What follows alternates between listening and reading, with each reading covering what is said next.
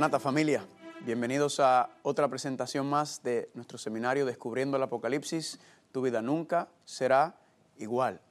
Hoy vamos a continuar estudiando y entrando dentro de las fascinantes, profecías de, de Apocalipsis, especialmente estamos enfocándonos en el mensaje final que Dios tiene para la tierra, que se encuentra en Apocalipsis capítulo 14. Así que Quiero que me acompañen, por favor, Apocalipsis capítulo 14. Vamos a leer del 6 en adelante porque vamos a entrar entonces en las próximas etapas de esta profecía. Pero antes de comenzar vamos a hacer una palabra de oración. Padre Santo, Padre Gloria, te damos gracias por la bendición que nos concede de estar aquí nuevamente, de la oportunidad que nos permites de estudiar tu palabra. Y necesitamos, Padre, que tu Espíritu Santo nos lleve y nos dirija para que podamos comprender y ver el precioso, precioso mensaje que tienes para nosotros y cómo nos quieres advertir y preparar. Gracias por bendecirnos y dirigirnos y todo esto te lo pedimos en el nombre de Jesús. Amén. Entonces familia, como hemos estado haciendo, hemos estado estudiando el, Apocalipsis capítulo 14 del 6 en adelante, el Evangelio eterno, el mensaje de los tres ángeles, que es el último llamado que Dios le hace a la tierra. Y dice así en el versículo 6, vi volar por el medio del cielo a otro ángel que tenía el Evangelio eterno para predicarlo a los moradores de la tierra, a toda nación, tribu, lengua y pueblo. El Evangelio eterno, ¿verdad? Ya estamos, hemos eh, desglosado el plan de salvación y el plan de salvación es que podamos regresar, estar restaurados nuevamente en la presencia de Dios. Eh, y eso, lamentablemente, familia, no es posible ahora por el pecado. No podemos morar en la presencia santa y pura de Dios por el pecado, pero vemos que cómo Dios va a resolver el problema del pecado y la maldad está detallado en el santuario, está desglosado en el plan de salvación y ahí entonces por medio de Cristo Jesús se está resolviendo esa, situación para que pronto podamos estar nuevamente y vivir y morar en la gloria de Dios. Sigue diciendo versículo 7, diciendo a gran voz, teme a Dios y darle gloria, porque la hora de su juicio ha llegado, y adorad a aquel que hizo el cielo, la tierra, el mar y la fuente de las aguas. En la presentación anterior terminamos con ese primer ángel ese primer ángel que está llamando a restaurar estos cuatro principios entre el pueblo de Dios. Y ahora vamos a entrar al segundo y el tercer ángel. Y dice así, otro ángel le siguió diciendo, ha caído, ha caído Babilonia, la gran ciudad, porque ha hecho beber a todas las naciones del vino del furor de su fornicación. Vamos a ver familia cuando entremos en la temática de Babilonia más profundamente, que Babilonia va a caer, porque Babilonia no quiere escuchar el primer ángel, Babilonia no quiere seguir el llamado de Dios, sino Babilonia quiere seguir dando su vino a las naciones del mundo que lamentablemente lo están bebiendo. ¿Y qué va a suceder con aquellas personas que sigan bebiendo del vino de Babilonia después de haber escuchado el Evangelio eterno? Dice, y el tercer ángel lo siguió diciendo a gran voz, si alguno adora o si alguno obedece a la bestia y a su imagen y recibe la marca en su frente o en su mano, él también beberá del vino de la ira de Dios que ha sido vaciado puro sin filtro y sin misericordia, en el cáliz de su ira y será atormentado con fuego y azufre delante de los santos ángeles y del Cordero. Familia, entonces, con esta presentación y las próximas presentaciones que tendremos, vamos a estar entrando en la temática sobre Babilonia, sobre la bestia, sobre la imagen de la bestia, la marca de la bestia, el anticristo. Todo eso entonces vamos a comenzar hoy eh, a desglosar y a profundizar. Así que el tema de hoy es un tema sumamente interesante porque yo le llamo la llave maestra de Apocalipsis. Es una profecía que es la profecía fundamental, es la base y el fundamento de todas las demás profecías que vamos a estar estudiando relacionados a la bestia, la, marca y la imagen.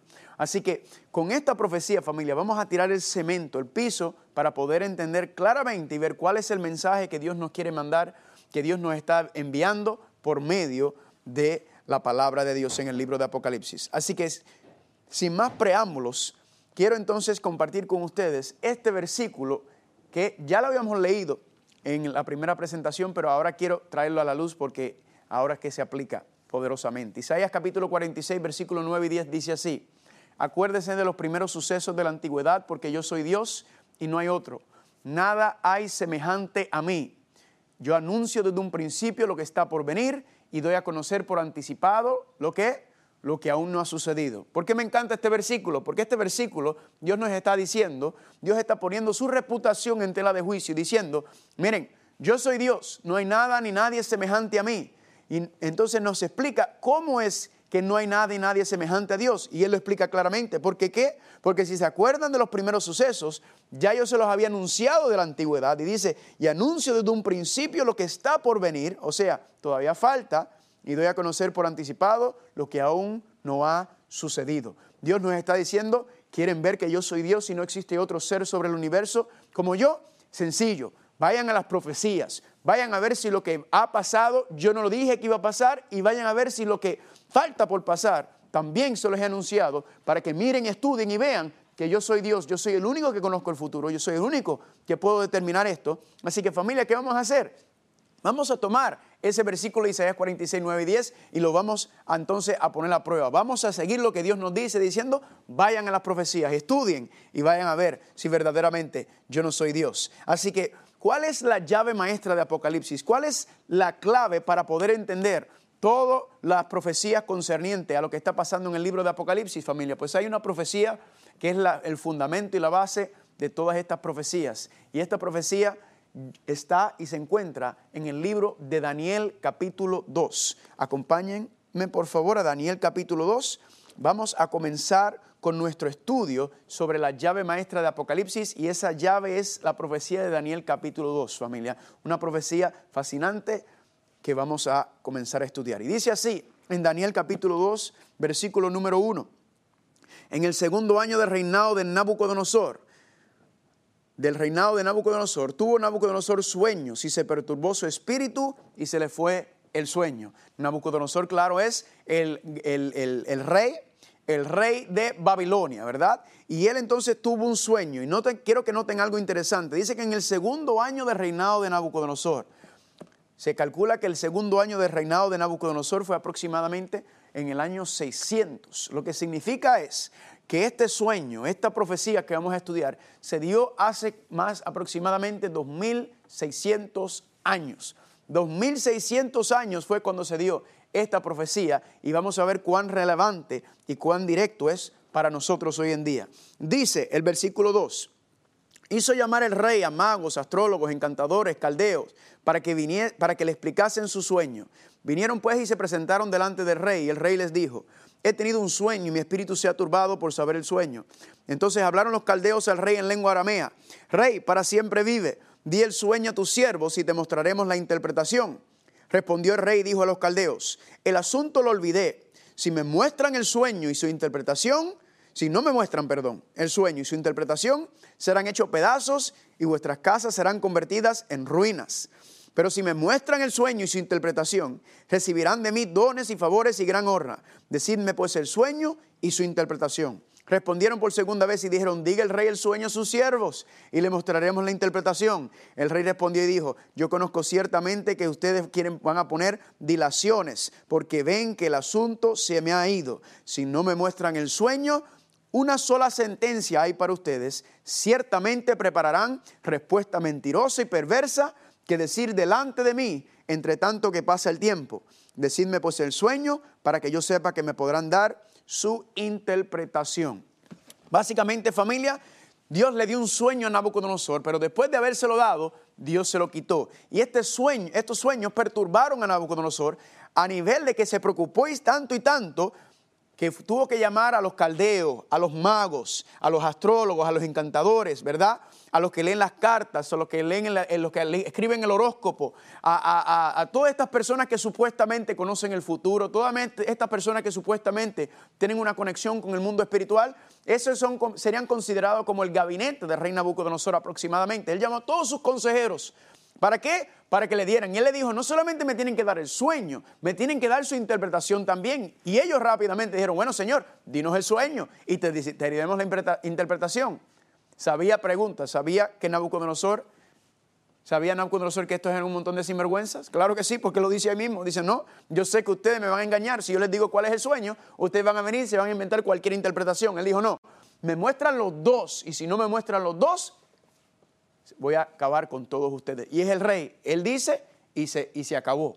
Ahora, me imagino que estaban temblando de miedo todos, todos estos eh, consejeros del rey Nabucodonosor. Y es interesante notar que cuando sigues leyendo el capítulo 2, aquí aparece la historia, en la historia a Daniel, Ananías, Misael y Azarías. Son cuatro hebreos que fueron tomados de Jerusalén, cuando, cuando Nabucodonosor sitió a Jerusalén, se llevó cautivos aproximadamente 50, 60 mil hebreos, y entre esos estaban estos cuatro jóvenes.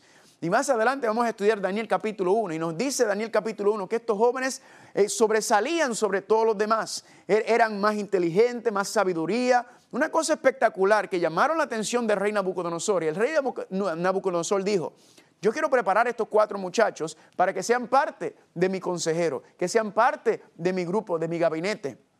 Y cuando está ocurriendo esta situación, parece que los muchachos todavía estaban en la Universidad de Babilonia, ¿verdad? Lo estaban entrenando para, para convertirse en consejeros, así que tenían que, aprender las filosofías, tenían que aprender las artes, el lenguaje, la escritura. Entonces, en este contexto, ellos no aparecen en la historia. ¿Verdad? En la primera parte, en esta primera parte que acabamos de leer. Pero luego cuando dice, en el versículo número 12, Daniel 2.12, miren lo que dice, por esto el rey con ira y con gran enojo mandó que matasen a todos los sabios de Babilonia. Y se publicó el edicto de que los sabios fueran llevados a la muerte y buscaron a Daniel y sus compañeros para matarlo. Entonces Daniel abrió sabria y prudentemente a Arioc, capitán de la guardia del rey, que había salido para matar. O sea, fueron a la casa de Daniel y a de los muchachos para matarlos, ¿verdad? Y dice en versículo 14 que había salido para matar a los sabios de Babilonia.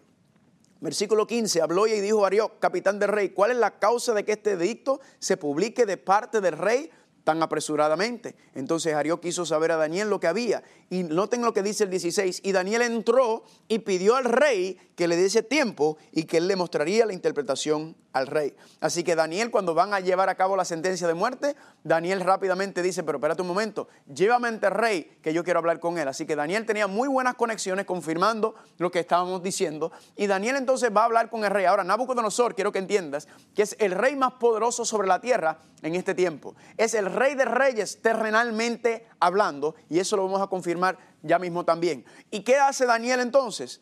Daniel le dice, mira, dame un tiempito que yo le voy a orar a mi Dios para que mi Dios me diga cuál es el sueño y la interpretación. Daniel se fue, sigue diciendo la historia, y se puso a orar con sus tres hermanos hebreos, y adivinen qué ocurrió. Gloria a Dios que Dios les reveló a Daniel el sueño y la interpretación. Miren lo que dice en el versículo 24. Después de esto, fue Daniel a Arioc, el cual, el cual el rey había puesto para matar a los sabios, y le dijo así, no mates a los sabios de Babilonia, llévame a la presencia del rey y yo le mostraré la interpretación. Entonces Arioc, versículo 25, Arioc llevó prontamente a Daniel ante el rey y él le dijo, y hallado un varón de los deportados de Judá, el cual dará al rey la interpretación. Respondió el rey y dijo a Daniel, el cual llamaba Belsasar, ¿podrás tú hacerme conocer el sueño que vi su interpretación? Daniel respondió delante del rey diciendo, el misterio que el, que el rey demanda, ni sabios, ni astrólogos, ni magos, ni adivinos, ni los que leen las cartas, ni los que escriben el horóscopo, ni ninguno de ellos lo puede revelar al rey. Pero hay un Dios en los cielos, el cual revela los misterios. Y él ha hecho saber al rey Nabucodonosor lo que ha de acontecer. ¿Cuándo? Dice aquí en los postreros días, o sea, en los tiempos finales. En otras palabras, familia, este sueño que Dios le dio a Nabucodonosor tenía que ver con el fin de este mundo. Esto está relacionado y por eso familia, cuando estudiamos la, literatura apocalíptica, recuerden, está directamente relacionado con los eventos finales de esta tierra. Y eso es lo que vamos a estar viendo y estudiando durante este seminario mientras seguimos. Sigue diciendo, he aquí tu sueño y las visiones que has tenido. Dice, estando tú, oh rey, en tu cama, te vinieron pensamientos por saber lo que había de ser en lo porvenir, y el que revela los misterios te mostró lo que ha de hacer. A mí me ha sido revelado este misterio, no porque en mí haya más sabiduría que en todos los videntes, sino para que se dé a conocer al rey la interpretación y para que entiendas los pensamientos de tu corazón. Vamos a ver familia que la profecía tiene algo especial.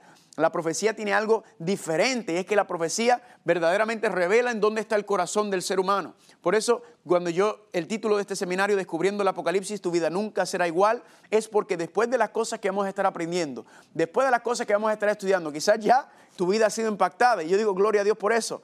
Pero familia, hay que profundizar, hay que seguir, ¿verdad? No quedarnos no solamente, sino en el camino cristiano estamos constantemente creciendo, profundizando, ampliando, ¿verdad? En la palabra de Dios. Y sigue diciendo en el versículo 31, tú, oh rey, veías, y aquí una gran imagen, y esta imagen era muy grande y cuya gloria era muy sublime, estaba en pie delante de ti y su aspecto era terrible. La cabeza de esta imagen era de oro fino, su pecho y sus brazos de plata, su vientre y sus muslos de bronce, sus piernas de hierro, sus pies en parte de hierro y en parte de barro cocido. Vamos a parar aquí un momento, familia. Entonces, ¿cuál es, ¿qué fue lo que Nabucodonosor vio? ¿Cuál fue la imagen que se le presentó a Nabucodonosor, familia? Pues fue que, que vio esta gran imagen, un gran ídolo, ¿verdad? Y tenía, estaba dividido en cuatro partes. La cabeza de oro, el pecho de plata, el torso, los muslos de bronce, las piernas de qué? De hierro y en los pies hierro y barro cocido. Ahora, paremos aquí un momento y vamos a analizar algo. Mirando esta estructura, podemos tomar rápidamente tres observaciones. La primera es oro, plata, bronce, hierro. ¿Qué está pasando con el valor de los metales? ¿Está qué? El valor de los metales está disminuyendo, ¿verdad? Y dice Jesucristo en Mateo capítulo 24, versículo 12, que a medida que se vaya acercando el fin, el amor de muchos se irá enfriando. Eso es lo que se está representando, que las cosas van a ir de mala en peor. Pero a la misma vez, cuando miramos la estructura, oro, plata, bronce y hierro, también vemos algo interesante, que es que los metales se están fortaleciendo. A la misma vez que el amor se irá enfriando, la maldad irá aumentando en el tiempo del fin. En otras palabras, el peor momento de la historia humana, según la profecía, va a ser en el tiempo del fin. Y la última parte, la última observación que podemos hacer es que lo que se supone que sea la parte más firme de la estructura es verdaderamente la parte más débil. ¿Por qué? Porque hay una unión entre el hierro y el barro. Y como sabemos, el hierro y el barro no mezclan. Así que analizando estas tres, estas tres observaciones a la luz de lo que hemos leído, estamos viendo y vamos a ver cómo es que todo esto se cumple, porque recuerde que esto es una profecía y ya hemos estudiado que una profecía es una revelación de eventos futuros y estamos hablando desde el tiempo de Nabucodonosor. Sigue diciendo en el versículo número 34 y dice, estaba mirando hasta que con una piedra fue cortada, no con mano, e hirió la imagen en sus pies de hierro, de barro cocido y los desmenuzó. Entonces fueron desmenuzados también el hierro, el barro cocido, el bronce, la plata y el oro. Fueron como, como tamo de las eras de verano y se los llevó el viento sin que de ellos quedara rastro alguno. Mas la piedra que hirió la imagen fue hecho un gran monte que llenó toda la tierra. Así que después que Nabucodonosor vio esta imagen, vio entonces una roca, una piedra, no cortado con mano humana, o sea, sin intervención humana, que vino y pegó a la imagen en donde. No fue en la cabeza, ni en el pecho, ni en los muslos, ni en las piernas, fue en los pies que pegó la piedra. ¿Y qué hace la piedra, la roca? Destruyó y desmenuzó la imagen completa y luego dice que esa gran piedra, esa gran roca se convirtió en una montaña que cubrió toda la tierra. Ahí está el sueño. Ahora Daniel le va a dar la interpretación. Dice en Daniel capítulo 2, ahora vamos a ir al versículo 36. Este es el sueño, también la interpretación del diremos en presencia del rey. Dice, tú, oh rey, eres rey de reyes porque el Dios del cielo te ha dado reino, poder, fuerza y majestad. Como habíamos dicho, Nabucodonosor en este tiempo era el rey más poderoso que existía sobre la tierra. Versículo 38. Y donde quiera que habitan hijos de hombres, bestias del campo y aves del cielo, Él los ha entregado en tu mano y te ha dado el dominio sobre todo. Tú eres aquella cabeza de oro. Familia, ¿por qué me encanta la profecía, familia? Porque es que nosotros no venimos a darle nuestra propia interpretación a lo que estamos estudiando. La Biblia se explica todo. Recuerden que habíamos leído en 2 de Pedro capítulo 1, 19 que decía, no hay interpretación privada a la profecía. Aquí no es lo que yo digo, lo que yo creo, lo que a mí me gusta, lo que a mí me conviene, lo que dice el internet, lo que dice una revista, lo que me dice el vecino. Aquí cuando estamos hablando de los asuntos de Dios, es qué es lo que dice Dios, qué es lo que podemos confirmar bíblicamente. Y cuando hacemos eso, familia, nos damos cuenta que Dios tiene todo explicado en la palabra de Dios. Por eso cuando habla de la bestia, la imagen de la bestia, la marca de la bestia, usted, familia, lo único que tiene que hacer es ponerse en la palabra de Dios que Dios nos va a dar los principios, Dios nos va a dar los detalles sobre todo lo que tenemos que entender. Porque si nos está advirtiendo sobre estas cosas, familia, es porque Él nos va a dar la solución. Sigue diciendo, entonces ya tenemos la cabeza de oro. La cabeza de oro representa a quién? A Nabucodonosor. En otras palabras, la cabeza de oro representa a Babilonia, al reino, porque Nabucodonosor es el representante de Babilonia. Así que eso nos indica que estos metales representan reinos. Pero vamos a seguir leyendo para confirmar lo que estamos diciendo.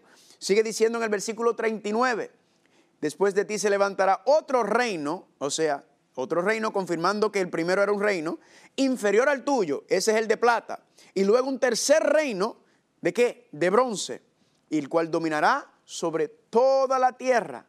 El cuarto reino será fuerte como el hierro y como el hierro desmenuza y rompe todas las cosas, desmenuzará y quebrantará todo. Vamos a parar ahí primero y analizar los cuatro metales. Ya tenemos el primer metal, el primer metal representa el gobierno, el reino de Babilonia, ¿verdad? Y, y noten que Babilonia era la superpotencia de su tiempo, era el rey más poderoso Nabucodonosor. Ahora, la historia enseña, familia, que Babilonia se levanta al poder aproximadamente en el año 605 antes de Cristo, ¿verdad? Aproximadamente en el año 600, doy un aproximado.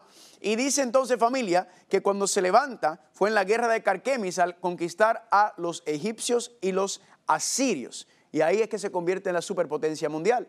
Pero ¿cuál es el problema familia? Que la profecía dice que qué? Que después vendrá un segundo reino de plata. Lo que significa es que Babilonia no iba a existir para siempre. Y por eso fue que el sueño perturbó a Nabucodonosor.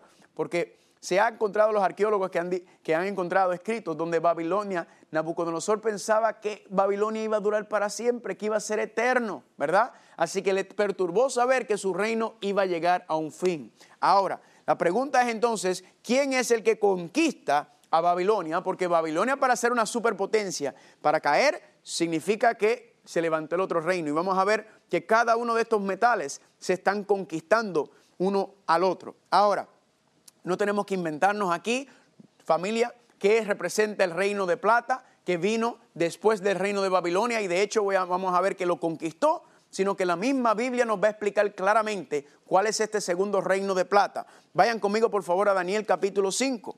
Daniel capítulo 5 tenemos la historia de Belsasar. Belsasar es nieto de Nabucodonosor y Belsasar está en poder y Belsasar es un poco arrogante, ¿verdad? Belsasar no, no, escucha consejos, mucho menos de Daniel, y Belsasar entonces hizo una gran fiesta, una gran orgía. La historia cuenta que Babilonia, las paredes eran tan anchas, ¿verdad? Eh, eh, eh, la fortaleza de Babilonia, Babilonia era inconquistable. Y si usted trataba de sitiarla, tenía un problema, porque tenía el río Éufrates que corría debajo de él, así que se podían quedar ahí y seguir alimentándose todo el tiempo. Pero noten lo que dice aquí en Daniel capítulo 5, versículo número 2. Belsasar con el gusto del vino mandó que trajesen los vasos de oro y de plata de Nabucodonosor su padre, que es el abuelo, ¿verdad? Eh, de Jerusalén para que hablase de ellos al rey y sus grandes y sus mujeres y sus concubinas. Entonces fueron traídos los vasos de oro que había traído del templo de la casa del Señor que estaba en Jerusalén, y bebieron de ellos el rey y sus príncipes, sus mujeres y sus concubinas. Bebieron vino y alabaron a los dioses de oro, de plata, de bronce, de hierro, de madera y de piedra. Así que aquí familia, entonces, ¿qué hace eh, eh, el nieto de Nabucodonosor? Él viene en su arrogancia, en su prepotencia, como nadie podía conquistar a Babilonia, él hace una gran fiesta, ¿verdad? Una gran fiesta, todo Babilonia está de fiesta, todo el mundo está bebiendo, quién sabe cuántas sinvergüenzadas estaban haciendo, orgías de todo, ¿verdad? Y en medio de esa fiesta, él mandó a sacar los vasos que pertenecían al santuario, que fueron, que fueron traídos a Babilonia después que eh, Jerusalén fue sitiado. Y empezaron ellos a beber, a utilizar las cosas santas de Dios para un uso común, profano. Ay familia. ¿Y qué usted cree? ¿Que Dios iba a quedar con las manos cruzadas? Claro que no, versículo 22. Ahora Daniel le está hablando a Belsasar y tú, su hijo Belsasar, no has humillado tu corazón sabiendo todo esto, sino que contra el Señor del cielo te has ensoberbecido e hiciste traer delante de ti los vasos de su casa y tus grandes, tus mujeres, tus concubinas, bebiste vino de ellos. Además de esto, diste alabanzas a dioses de plata y de oro, de bronce, de hierro, de madera y de piedra, que ni ven, ni oyen, ni saben, y al Dios en cuya mano está tu vida, cuyos son todos tus caminos, nunca honraste. Y le dice, noten algo antes de continuar ¿De qué fue lo que hizo eh, eh, Belsasar las imágenes y los ídolos? ¿De qué? De plata, oro, bronce, hierro, madera y piedra. ¿Dónde encontramos eso? Pues familia, lo encontramos en el sueño de su abuelo Nabucodonosor. El, mismo concepto de la imagen. Básicamente, ¿qué está haciendo Nabucodonosor, eh, Belsasar? Belsasar se está burlando del sueño de su abuelo. Belsasar está diciendo que Babilonia va a caer ni va a caer. Imposible, Babilonia va a durar para siempre en su arrogancia también. ¿Y qué ocurrió? Versículo 24, en ese momento dice, entonces de su presencia fue enviada la mano que trazó esta escritura. Y la escritura que trazó es Mene, Mene, Tekel, Uparasin. Esta es la interpretación del asunto. Mene, contó Dios tu reino y le ha puesto fin. Tequel, pesado ha sido en balanza y fuiste hallado falto. Pérez, tu reino ha sido roto y dado a los medos y los persas. Aquí familia, entonces vemos que claramente llegó el final de Babilonia, ¿verdad? En ese momento el dedo de Dios escribió Mene, Mene, Tekel, Perasin, la fiesta se acabó. Y dice aquí que hubo un juicio sobre Babilonia. Pregunta, ¿fue conquistado Babilonia? Claro que sí, dice aquí, por el reino de los medos y los persas. Versículo 29. Entonces mandó Belsasar vestir a Daniel de púrpura y poner en su collar en su cuello un collar de oro, proclamar que él era el tercer señor del reino. La misma noche fue muerto Belsasar, rey de los caldeos, y Darío de Media tomó el reino siendo de 62 años. Enseña la historia que en medio de esta gran fiesta y esta gran orgía, fuera de, las paredes, fuera de la ciudad de Babilonia, estaba el, ejército de los medos y los persas. Los medos y los persas son dos reinos separados que se unieron, ¿para qué? Para conquistar a Babilonia. En la historia enseña que los ingenieros de los medios de los persas desviaron el río Éufrates, el nivel del agua bajó y el ejército de los los persas entró por debajo de la ciudad y como todos estaban de fiesta y borrachos y haciendo cuantas pocas vergüenzas, se los llevó enredado a todos y ahí terminó, llegó el fin. Si esto ocurrió, familia, ¿en qué año? En el año 539. Noten, ya estamos hablando de casi 60 años después Dios le había dicho que iba a caer por medio de quién? Del reino de plata. Aquí encontramos que ese reino de plata representa a los medos y los persas y esto está confirmado por medio de la historia. Ahora, la profecía no termina porque dice que después del, pecho de plata va a venir otro reino de bronce. Ahora, ¿cuál entonces es el reino de bronce? Que vamos a ver también conquista al reino de plata que son los medios y los persas. ¿Cuál es el próximo reino entonces en esta profecía? Pues familia, vayan conmigo a Daniel capítulo 8. Daniel capítulo 8 también está la explicación. En Daniel capítulo 8 encontramos, y vamos a ir al versículo número 2. Daniel capítulo 8, versículo número 2. Dice, vi en visión y cuando la vi, yo estaba en Susa, que es la capital del reino de la provincia de Lam. Vi pues en visión, estando junto al río Ulay. Alcé los ojos y miré, y aquí que un carnero estaba delante del río y tenía dos cuernos. Y aunque los cuernos eran altos, uno era más alto que el otro y el más alto creció después.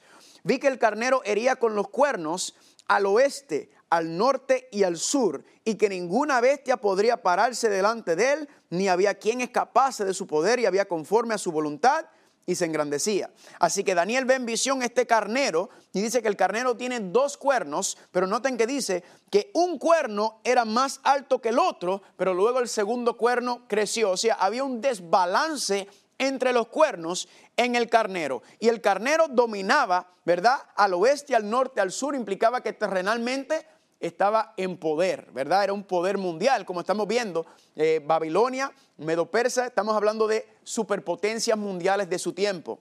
Y noten entonces que sigue diciendo, mientras yo consideraba esto, he aquí que un macho cabrío venía del lado del oeste sobre la faz de toda la tierra y sin tocar tierra aquel macho cabrío tenía un cuerno notable entre sus ojos. Así que aquí aparece el próximo animal, la próxima bestia, que es el macho cabrío con un cuerno grande entre sus ojos. Ahora sí el versículo 6. Y vino hasta el carnero de dos cuernos que yo había visto en la ribera del río y corrió contra él con la furia de su fuerza. Y yo lo vi que llegó junto al carnero y se levantó contra él y lo hirió y le quebró sus dos cuernos y el carnero no tenía fuerza para pararse de él, delante de él. Lo derribó por tanto en tierra y lo pisoteó y no hubo quien librase al carnero de su poder. Ahora aparece entonces esta segunda bestia, el macho cabrío, y el macho cabrío que tiene un solo cuerno y ¿qué hace? Vence al carnero, lo pisotea, lo destruye familia. ¿Hubo una conquista? ¿Sí o no? El carnero fue conquistado por el macho cabrío. Pero noten que sigue diciendo. Versículo 8. El macho cabrío se engrandeció sobremanera, pero estando en su mayor fuerza aquel gran cuerno que tenía el macho cabrío, que fue? Fue quebrado. Y en su lugar salieron otros cuatro cuernos notables hacia los cuatro vientos del cielo. Entonces nos dice familia que cuando conquista el carnero, el macho cabrío, ese gran cuerno que tenía que sucedió, se quebró se rompió, ¿verdad? Y cuando se quiebra ese gran cuerno, salen cuatro cuernos en su lugar. en el lugar de ese cuerno grande que estaba en el macho cabrío. Ahora familia, no tenemos que venir aquí y tratar de inventarnos qué representa esto. Todo esto es, son profecías, todo esto son símbolos. Vamos a ver la explicación. Básicamente, en el versículo número 20, Daniel capítulo 8, versículo 20, nos dice, en cuanto al carnero que vistes, que tenía dos cuernos, estos son los reyes de quién?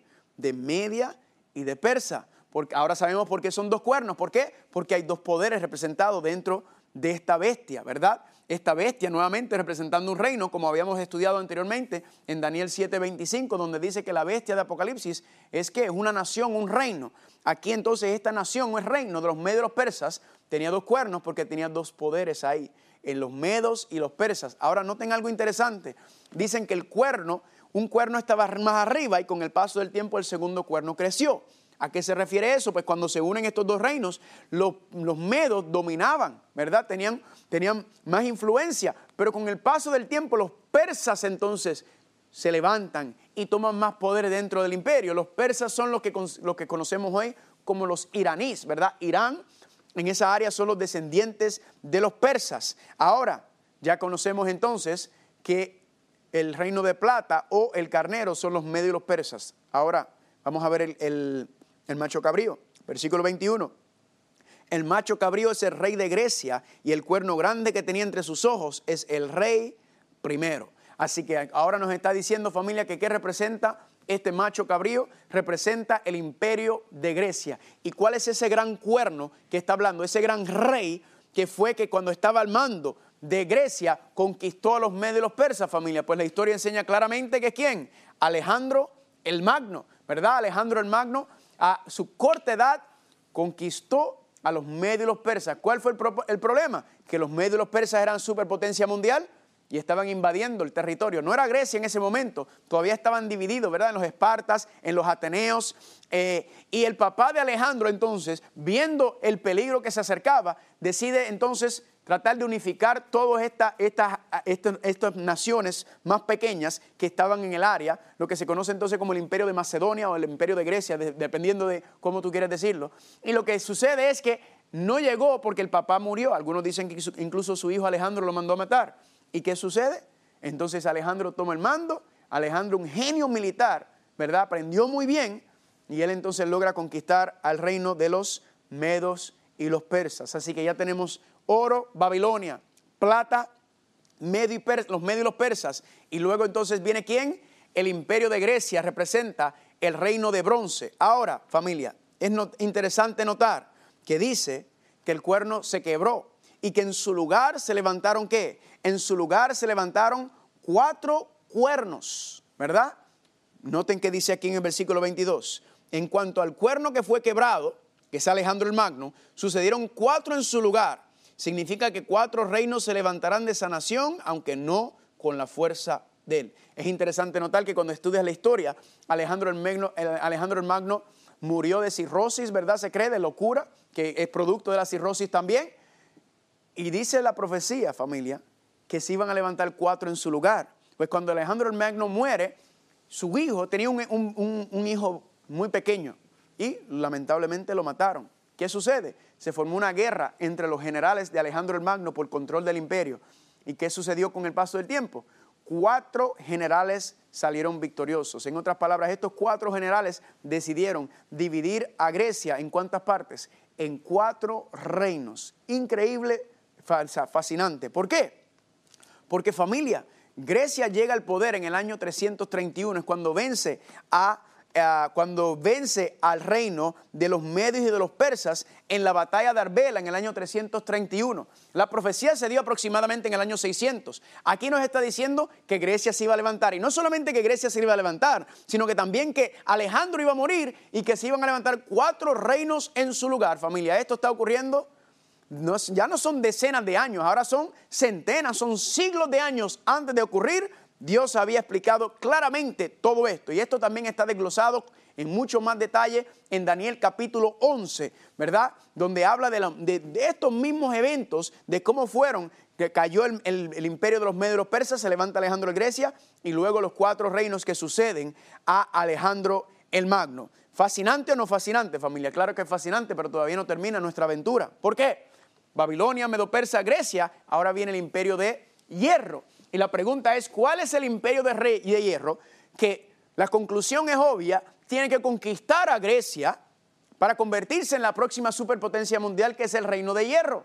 Pues familia, la historia enseña claramente, contundentemente, cuál fue el imperio que conquistó a Grecia y también nos enseña familia, bíblicamente es el mismo reino que estaba en poder cuando Cristo vino a la tierra, es el mismo poder que escribió cuando Juan escribió el libro de Apocalipsis en la isla de Patmos, familia. ¿Cuál es ese imperio? Es el imperio romano. La historia enseña que el imperio romano conquista a Grecia en la batalla de Pidna en el año 168 antes de Cristo.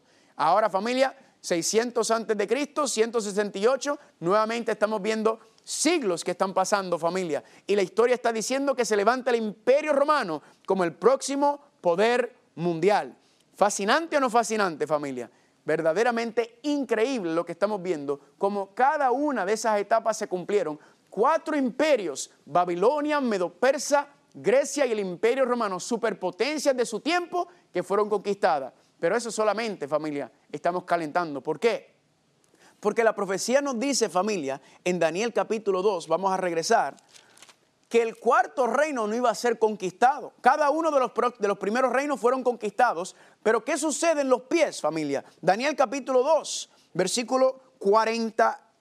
Vamos a ir al 40, Daniel 2, 40. Vamos a, a partir desde el imperio romano y continuar hasta el 42. Dice, el cuarto reino será fuerte como el hierro, como el hierro desmenuza y rompe todas las cosas, desmenuzará y quebrantará todo, ¿verdad? Esa es la explicación del imperio romano. El imperio romano, familia, ha sido el imperio más sanguinario, más cruel, más destructor que ha existido sobre la faz de la tierra. Y pero noten que dice el versículo 41, y lo que viste de los pies y los dedos de los pies, en parte de barro cocido del farero y en parte de hierro, será un reino dividido, mas habrá en él algo de la fuerza de hierro, así como viste el hierro mezclado con barro cocido. Y por los dedos de los pies, en par, y por ser los dedos de los pies en parte de hierro y en parte de barro cocido, el reino será en parte fuerte y en parte frágil. Familia, aquí entonces nos está hablando de los pies, ¿verdad que sí? Y dice que lo que viste de los pies y los dedos de los pies. ¿Cuántos dedos hay en cada pie? Pues hay cinco en cada pie para un total de diez, ¿verdad? En un pie normal. Diez. Entonces, noten esto, familia. Dice que el imperio romano no iba a ser conquistado, sino que el imperio romano, el cuarto reino, se iba a dividir, ¿verdad que sí? Se iba a dividir en dos, se iba a deshacer en dos y luego en diez. Fascinante familia, porque la historia enseña exactamente eso. El imperio romano, familia, no fue conquistado. El imperio romano se deshizo. Primero se dividió en dos, el lado oriental y el lado occidental.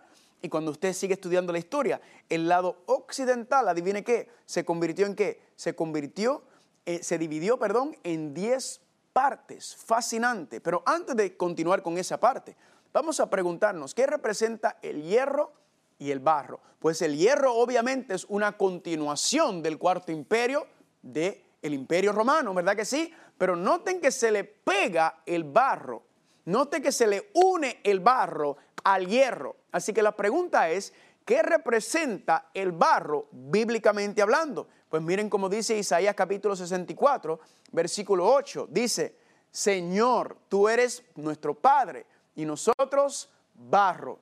Tú el que nos formaste. Así que obra de tus manos somos qué? Somos todos nosotros. Familia, enseña la Biblia que el barro representa qué? El barro representa el pueblo de Dios.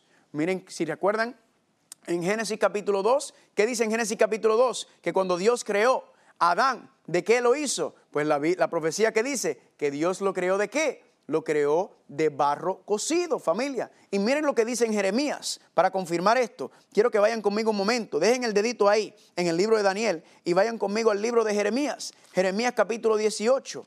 Miren cómo dice aquí confirmando esto. Jeremías capítulo 18. Vamos a leer, eh, se puede leer desde el 1, pero vamos directamente al versículo número 3. Y descendí a la casa del alfarero y aquí que él trabajaba sobre la rueda. Y la vasija de barro que él hacía se echó a perder en su mano y volvió y se la hizo otra vasija, según le pareció mejor hacerla. Entonces vino mi palabra del Señor diciendo, no podré yo hacer de vosotros como este alfarero o casa de Israel, dice el Señor.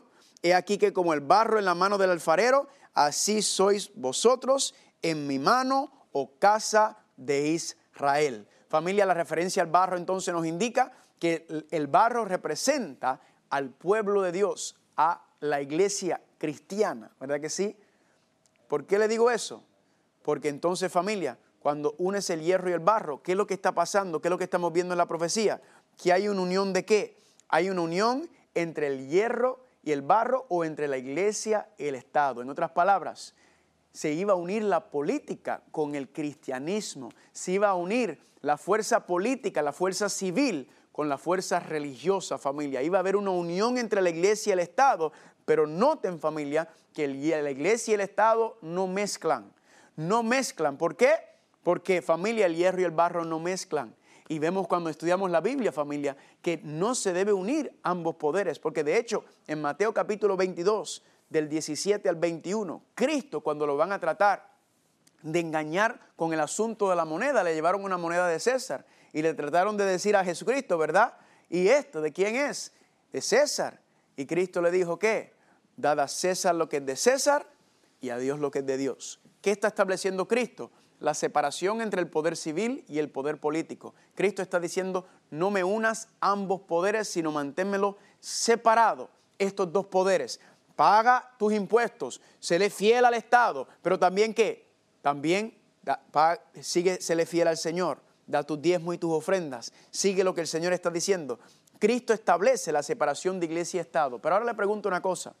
¿Será que no trataron de involucrar a Cristo en los asuntos políticos?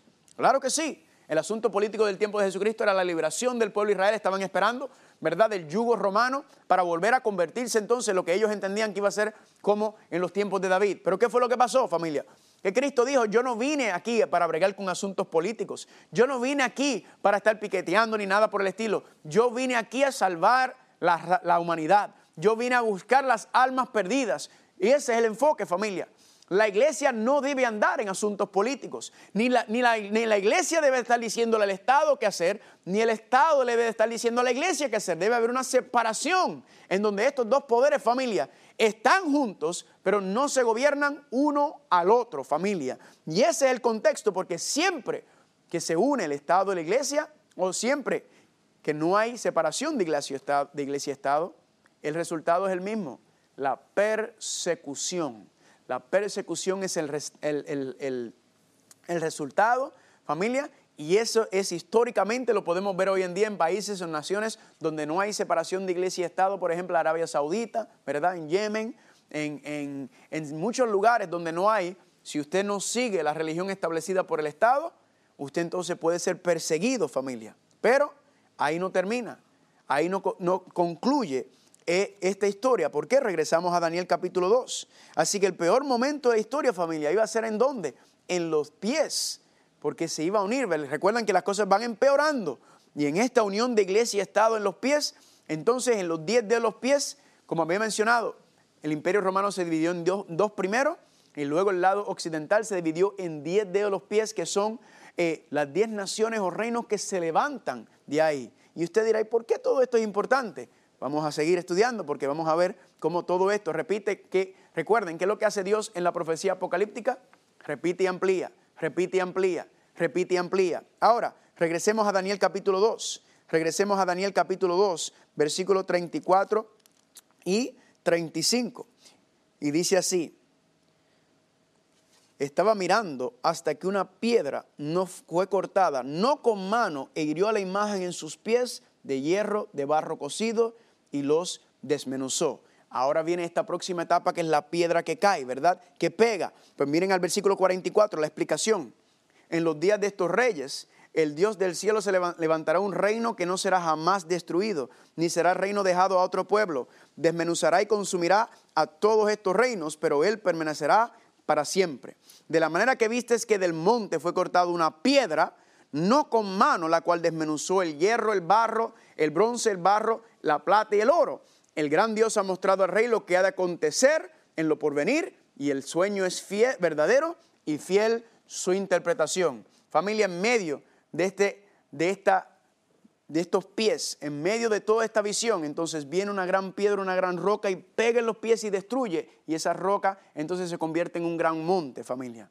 Y la pregunta es entonces, ¿qué representa esa roca, esa piedra que pega en los pies para acabar y destruir con todos estos reinos? Pues familia, quiero que vayan conmigo a Primera de Pedro, capítulo 2. Primera de Pedro, capítulo 2, del 4 al 8. Dice así, Primera de Pedro 2, 4 al 8. Dice, acercaos a él, piedra viva, desechada ciertamente por los hombres, mas para con Dios escogido, escogida y preciosa por lo cual también contiene la escritura, he aquí que yo pongo en Sión la principal piedra del ángulo, escogida y preciosa, y el que creyera en él no será avergonzado. Para nosotros, pues, los que creen en él, él es precioso. Pero para los que no creen, la piedra que los edificadores desecharon ha venido a ser la cabeza del ángulo y piedra de tropiezo y roca que hace caer, porque tropiezan en la palabra siendo desobedientes, a lo cual fueron también destinados. Familia, ¿qué está hablando Pedro? ¿A quién se refiere Pedro aquí como la piedra o la roca que cae y que destruye y desmenuza todo, familia? Pues esa piedra o esa roca que está mencionada por Pedro representa a Cristo Jesús. En otras palabras, esa piedra, esa roca, representa la venida de Cristo Jesús, el regreso de Cristo Jesús a la tierra. ¿Para hacer qué? Lo que hemos estado hablando, para acabar y destruir con todos los reinos de la tierra. Miren cómo dice 1 Corintios capítulo 10, versículo 4. Dice así, y todos bebieron de la misma bebida espiritual porque bebían de la roca espiritual que los seguía y la roca era Cristo. Yo digo, gloria a Dios por esto, familia. La roca, la piedra, nos dice Pedro, nos dice el hermano Pablo, que representa a Cristo Jesús. Él es la roca, la piedra, que viene que en su regreso a la tierra, viene a acabar y desmenuzar y destruir con todos los reinos de la tierra, familia. Ahí está haciendo también una indicación de esa guerra o esa batalla final que se va a desatar en esta tierra antes de que esto termine. Pero luego, familia, entonces, ¿qué nos dice la profecía? Que esa piedra o esa roca se convierte en qué? En un gran monte, en un gran reino, familia. El reino de Dios, el reino eterno de Dios, familia. Cuando Cristo termine con todo este mundo, cuando termine con el pecado y la maldad, entonces Dios va a establecer, cuando haga un cielo nuevo y una tierra nueva, va a venir la nueva Jerusalén y el reino de Dios será establecido eternamente y para siempre. Y yo digo por eso mismo, gloria a Dios por esta profecía. ¿Cuántos dicen amén? ¿Es lindo o no es lindo familia? Familia, quiero que notemos algo. Esta profecía tiene siete etapas, básicamente. Siete etapas en esta profecía. Recuerden, esta es la profecía inicial, ¿verdad? Esta es la introducción a las profecías apocalípticas. Y noten lo que, lo que, lo que, lo, cuáles son esas siete etapas. Primero, Babilonia. ¿Se levantó Babilonia y cayó? Sí. Segundo, los medios y los persas. ¿Se levantaron los medios y los persas y cayeron? Sí. Tercero, Grecia. ¿Se levantó Grecia y cayó? Sí. Cuarto, el imperio romano. Pregunta, ¿el imperio romano se levantó? ¿Sí o no? Sí. Pero noten que el imperio romano no fue conquistado como los primeros cuatro reinos, sino que el imperio romano se qué? Se dividió. Primero se dividió en cuánto? En dos y luego se dividió, según la profecía de Daniel capítulo 2, se dividió en, C, en 10, perdón, los 10 dedos de los pies que surgen. Y noten entonces familia, ¿cuál es la séptima, la última etapa de esta profecía? La piedra que viene y que hace y rompe y destruye con todos los reinos, que es la segunda venida de Cristo. ¿Por qué se lo digo y por qué se lo menciono familia? Porque si cada una de las primeras seis etapas ya ocurrieron, históricamente podemos verlo, que ocurrieron, significa familia que la séptima etapa, que es la venida de Cristo Jesús, es la única que falta en esta profecía introductoria, en esta profecía inicial.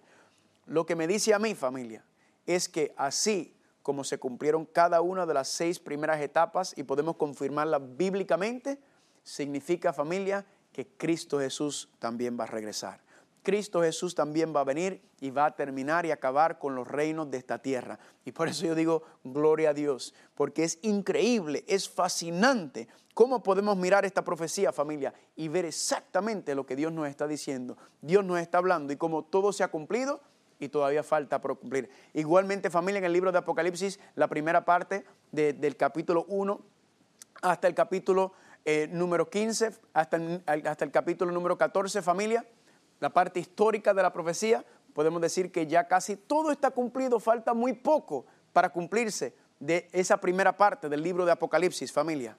Y gloria a Dios, porque lo vamos a estar estudiando y lo que está pasando tanto en el pasado, presente y futuro. ¿Por qué me encanta la profecía? Por muchas razones, pero una de ellas es que yo puedo estudiar la historia y puedo compararlo con la profecía bíblica y ver exactamente cómo va al pie de la letra. Familia, escucha bien, porque el, propósito de la profecía no es simplemente ser sensacionalista, no es simplemente ser, porque ya habíamos hablado y le mencioné a ustedes que la profecía no salva. Las profecías no salvan familia. El que salva es Cristo Jesús. Él es el que salva. Ahora, el que está aferrado a Cristo Jesús, el que tiene una relación diaria con el Señor, una, una vida devocional de oración y de estudio con Cristo Jesús, esa es la relación salvadora. El que tiene esa relación con Él va a escuchar las profecías, va a escuchar y las va a seguir, porque es la revelación de Jesucristo que Él nos está diciendo para prepararnos para los tiempos del fin.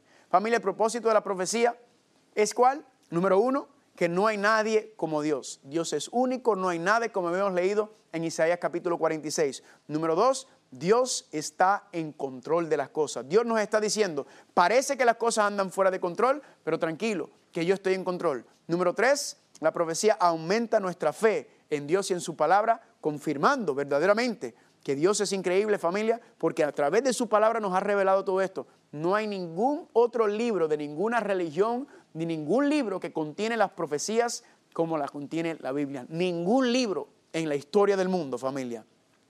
Y sobre todo que la victoria está garantizada en Cristo Jesús. Y por eso yo digo, amén, aleluya, por eso, gloria a Dios. Pero para terminar, regresemos a Daniel capítulo 2, que no hemos terminado con la profecía.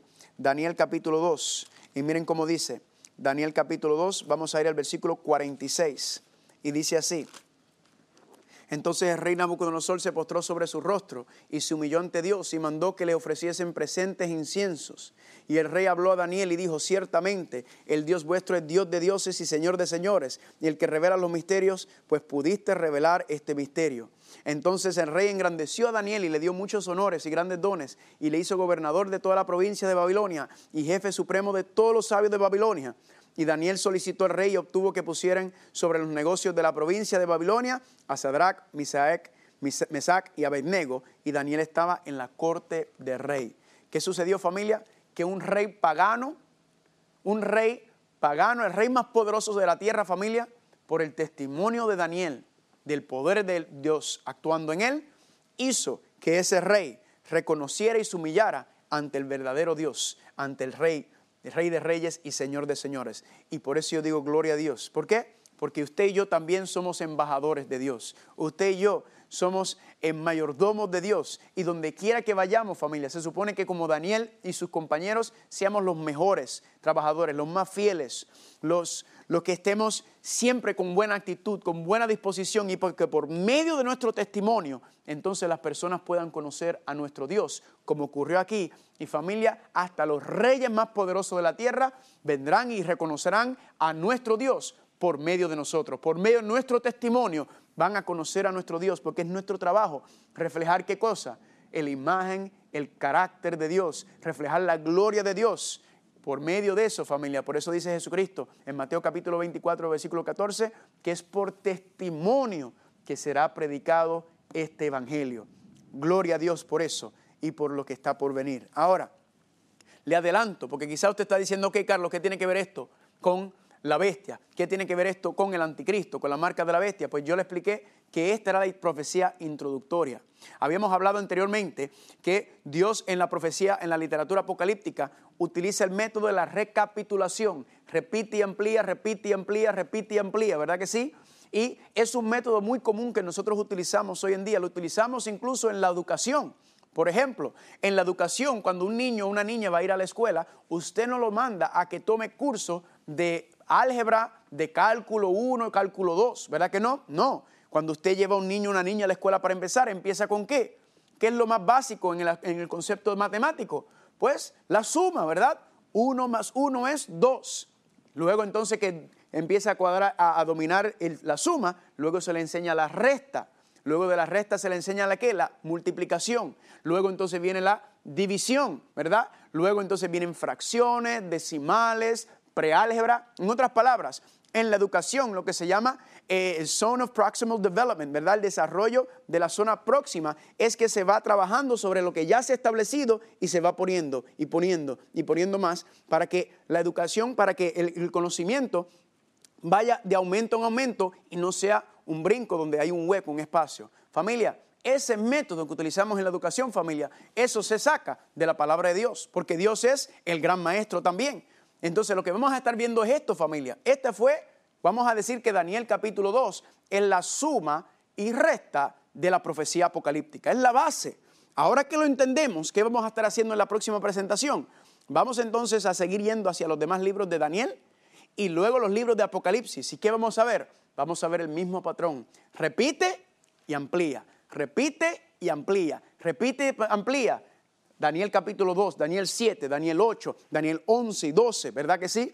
Apocalipsis, vamos a ir. Apocalipsis también, repite y amplía, repite y amplía, repite y amplía. Este concepto lo vamos a estar utilizando por muchos de los próximos temas que vamos a estar cubriendo. ¿Por qué? Porque ahora utilizando esta base, esta profecía eh, introductoria, entonces ahora, ¿qué vamos a hacer? Ahora vamos a, poner sobre eso y vamos a ver que de ahí entonces es que va a salir, la misma Biblia nos va a explicar quién es el cuerno pequeño, qué es eso del anticristo. El cuerno pequeño del anticristo, recuerden que es en la misma persona. ¿Qué es todo eso? Lo vamos a ir estudiando familia. ¿Y qué es lo que nos ayuda a hacer? Nos ayuda primero a dejar que Dios sea el que nos dirija en, en la interpretación de la profecía, porque no hay interpretación privada. Segundo, es que hay unos claros marcadores que nos van a indicar y dejar saber a nosotros que estamos comprendiendo y entendiendo correctamente la profecía. No la estamos interpretando nosotros mismos, sino que Dios mismo nos está mostrando en la repetición lo que está pasando. ¿Para que qué? Para saber que estamos por el buen camino, familia. Y por eso yo digo, gloria a Dios, todo esto lo vamos a ir analizando y profundizando a medida que sigamos en este seminario. Pero quiero recordarle, familia, que no hay que tener miedo. El mundo parece que está descontrolado, el mundo parece que va a ir peor y de hecho la profecía dice que las cosas se van a poner peor, pero Dios dice en su profecía, tranquilo, porque yo estoy en control. Yo se lo he revelado a ustedes para que ustedes estén preparados para las cosas que van a venir. Así que podemos confiar en Dios y por eso nos dice Él en Isaías 41:10, no temas porque yo estoy contigo, no desmayes porque yo soy tu Dios, yo te doy fuerzas, yo siempre te ayudaré, yo te sostengo con la diestra de mi justicia. Familia, aferrarnos a esa promesa, aferrarnos al Señor. Y Él dice, confía en mí, que yo los voy a dirigir. Que el Señor los bendiga y nos vemos en la próxima presentación.